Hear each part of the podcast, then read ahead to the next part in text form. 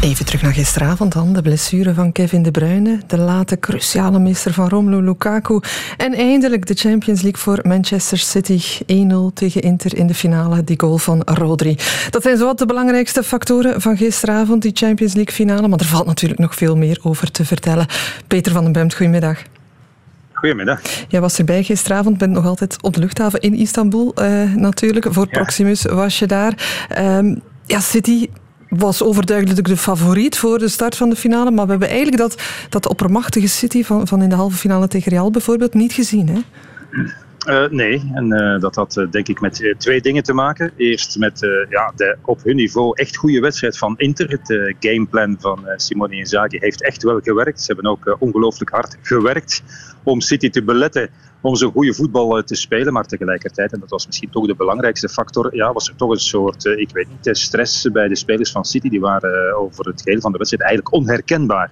Als je dat vergelijkt met wat City heeft gebracht in de eerste helft, vooral dan tegen Real Madrid, hè, wat het beste ooit was misschien van City, ja, dat was een verschil van dag en nacht. Ja. Het aantal balverliezen, slechte controles, slechte passes was ontelbaar. Jongens van wie we weten dat ze fluwele baltoets hebben, ja, die kregen geen bal gestopt of vooruitgespeeld. Dat was, dat was zeer vreemd hoe City in de wedstrijd van het jaar, en dat speelde dan toch mee, denk ik, de stress, het moet ja. gebeuren, je bent de grote favoriet. En dus City was zichzelf niet, zo simpel was het gisteren. Ja, hoe kan dat op dat niveau? Dat dat, dat dan in zo'n wedstrijd plots zo'n rol gaat spelen?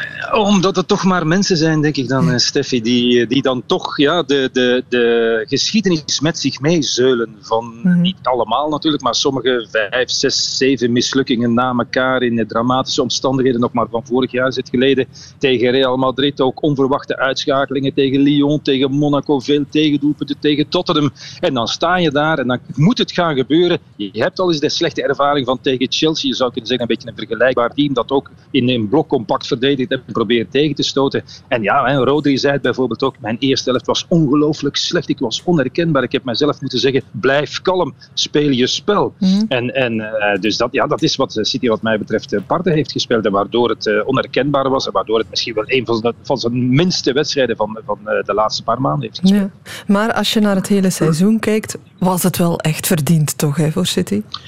Ja, zeker. En vooral duidelijkheid over de wedstrijd gisteren vond ik het ook wel verdiend. Hè. Ja. Uiteindelijk, uh, na, na ja, een, een, uurtje zo zag je toch dat Inter misschien uh, zachtjes aan leeggelopen was. Uh, moesten ze excuus, al maar verder achteruit.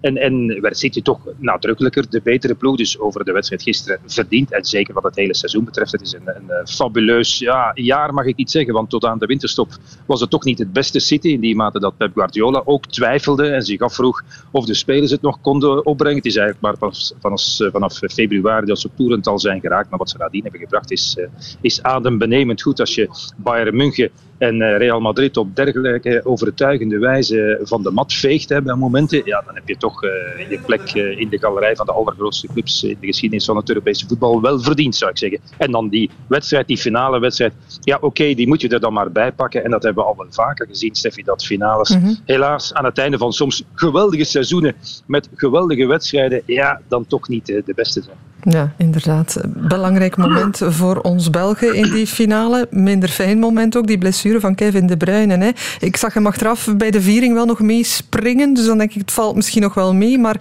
ja, Rode Duivels, daar zal hij zich niet bijvoegen, neem ik aan. Hè.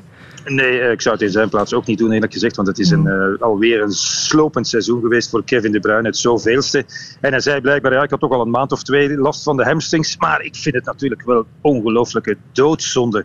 En, en hij zat ook niet, echt niet lekker in de wedstrijd. Mm. Hij, hij had ook een paar voorzetten die niet aankwamen. Dat schot was maar mager. Heeft hij al zo vaak op een andere manier gedaan, nu in het midden van de goal. Dus oké, okay, we konden nog niet vermoeden dat het met een blessure te maken had. Maar wat mij betreft uh, zal dat zeker zijn rol hebben gespeeld.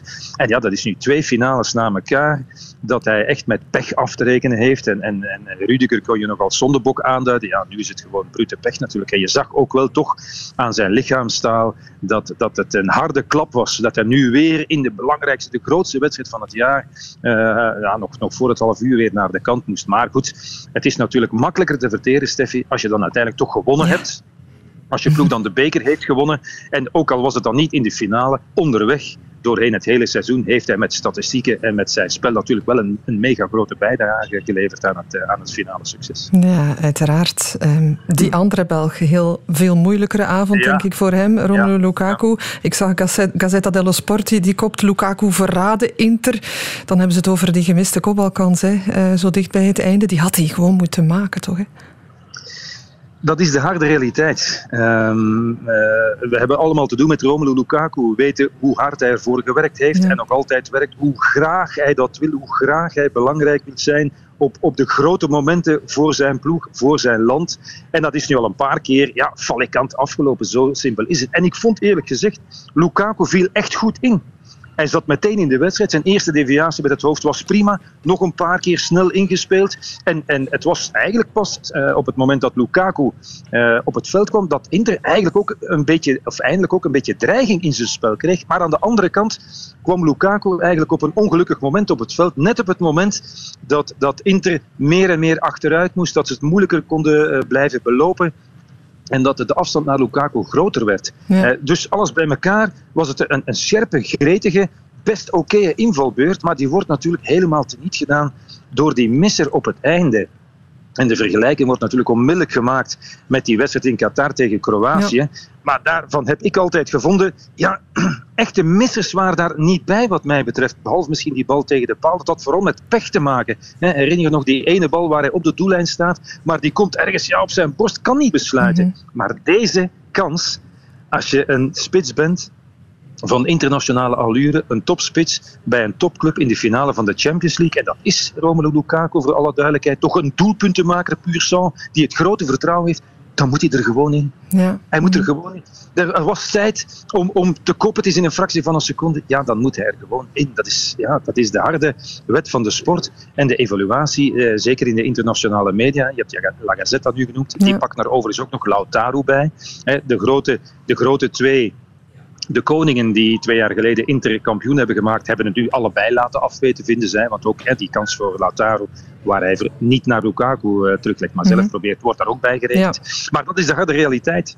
Uh, het is niet gebeurd en, en, en, dan wordt de geschiedenis nog eens bijgehaald. En tegen Sevilla en die ene kans in, in de groepsfase van de Champions League, waar hij ook in de weg staat, want dat wordt er dan bijgegooid. Maar ik vind, Steffi, en ik heb nog niet uh, alle herhalingen teruggezien, maar die, die Kobal die hij zo gezegd ook verhindert van die Marco, dat het ja. een doelpunt wordt. Ja, één, het was buitenspel volgens mij.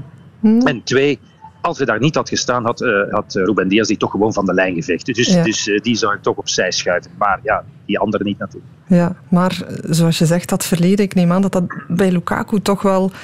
Ja, het wordt een lange rij, hè? Dat, het, dat het toch wel meespeelt ook bij hem op, op zo'n grote momenten dan van hm, gaat het mij dit keer lukken, dat dat mentaal toch wel belangrijk is. Ja, hij is nogthans mentaal sterk, denk ik. Hij heeft al vele tegenslagen moeten overwinnen. Heeft het in een openhartig gesprek na die halve finale tegen, tegen Milan, tegen Thierry Henry nog een keer gezegd dat hij echt diep heeft gezeten na die wedstrijd tegen Kroatië. Dat zag je, dat zag je toen ook aan hè, op het veld. Mm -hmm. Dat was nu misschien iets minder.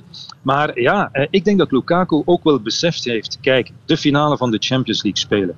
Dat was zijn grote droom, een van zijn grote dromen. Die wordt nu eigenlijk onverwacht dit seizoen gerealiseerd met Inter. Dat had eigenlijk bij het begin van het seizoen niemand verwacht. Oké, okay.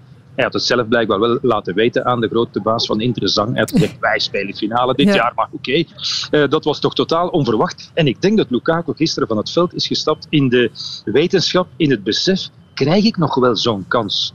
Bij welke ploeg die op regelmatige basis in de eindfase van de Champions League speelt, Real Madrid, Bayern München, Manchester City, Liverpool enzovoort, ga ik straks spelen?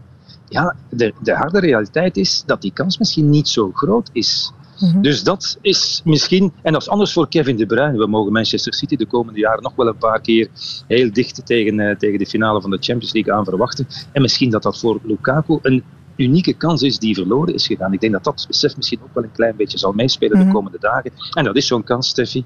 Een spits, die ziet hij nog een miljoen keer terug. Die gaat hem nog uh, vele nachten, ook de komende jaren, achtervolgen. Dat is nu eenmaal zo. Op een bepaald moment wordt je dan toch nog eens wakker van die bal die hij tegen Ederson. Ja, ongetwijfeld. Jammer voor hem, want het had ook wel een heel belangrijke rol inderdaad kunnen spelen in zijn toekomst. Want dat is de vraag nu ook. Hè. Wat nu voor Lukaku? Ja, wat nu? Ja, dus, uh, ik denk dat ze hem bij Inter wel willen houden. Dat was nog uh, rond die halve finales tegen Milan. Wat de sportief directeur had gezegd, wat, wat, de voorzitter ook had gezegd. Maar het wordt financieel gewoon een zeer moeilijke operatie. Ja. Niet vergeten, Lukaku is nu eenmaal een peperdure vogel. Hij wil, heeft hij zelf laten weten, wil bij Inter blijven. Wil zwaar inleveren op zijn loon. Maar goed, volstaat dat om, om bij Inter te kunnen blijven? Dat weet ik eigenlijk niet. Pochettino wil hem misschien wel graag bij Chelsea. Maar ik moet eerlijk zeggen, ik zou als ik Lukaku was niet meer in Engeland gaan voetballen. Ook niet na wat er gisteren alweer is gebeurd. Mhm. Hij wordt daar toch op een bepaalde manier niet altijd correct, vind ik, gepercipieerd. Als, een, als een mislukking. En bij Chelsea en bij Manchester United. Een spits van meer dan 100 miljoen die het niet heeft gemaakt. Dat is ik zou het niet meer doen als ik van hem was. Er zijn andere competities waar, dat misschien, uh, waar het hij misschien toch beter afgaat. Maar het worden wel spannende weken. En precies omdat hij ja, zo, zo spits is met internationale allure, met een zwaar prijskaartje, wordt dat geen makkelijke oefening, denk ik. Mhm. Goed, Peter, laten we afronden. Toch met de winnaar, hè, met Manchester City. Met Pep Guardiola nu eindelijk die Champions League. Ja, hij heeft nu alles gewonnen met City. Is er nog voldoende uitdaging voor hem? Hij zegt zelf, ik ga blijven, maar zal het ook echt zo zijn, denk je? Maar hij heeft in elk geval in het najaar, denk ik, eh, in november zijn contract nog eens verlengd met twee jaar. Dus ik denk dat hij de komende twee jaar, misschien wel drie jaar nog contract heeft bij, bij City. En, en uh, ja, uh, het zou mij eerlijk gezegd verbazen dat hij ineens een streep ondertrekt uh, bij Manchester City. Omdat ja, hij kan daar in een geweldige omgeving werken. bij, bij de beste ploeg van de wereld. Het voetbal staat op punt. Dus ja, enfin, je kan nooit in het hoofd van Guardiola kijken. Die heeft natuurlijk de, de, de vrijheid, uh, mentaal, maar ook financieel, om te zeggen: ik ga nog eens een sabbatjaar nemen. Dat zou natuurlijk wel kunnen. Maar, maar uh, ik kan mij voorstellen dat uh, de kop is er nu af voor Manchester City. De eerste keer is de moeilijkste, zou ik durven denken.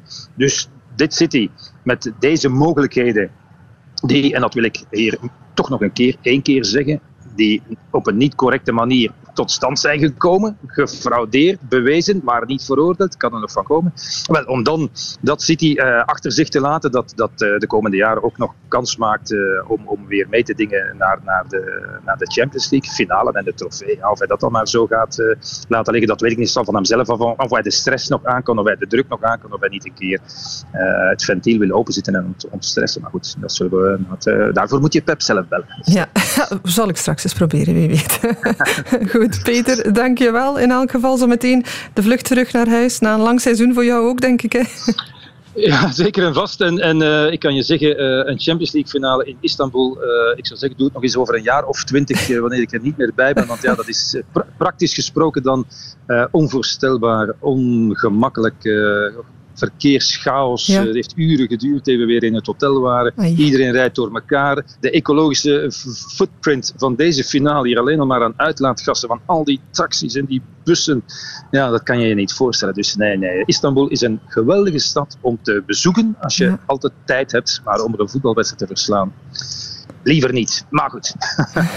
goed. nog, nog twee Interlandse en dan gaat er iemand. Ah, voilà. Goed. Nog even volhouden dan. En even bekomen toch maar op het vliegtuig zo meteen. Dankjewel, hè, Peter.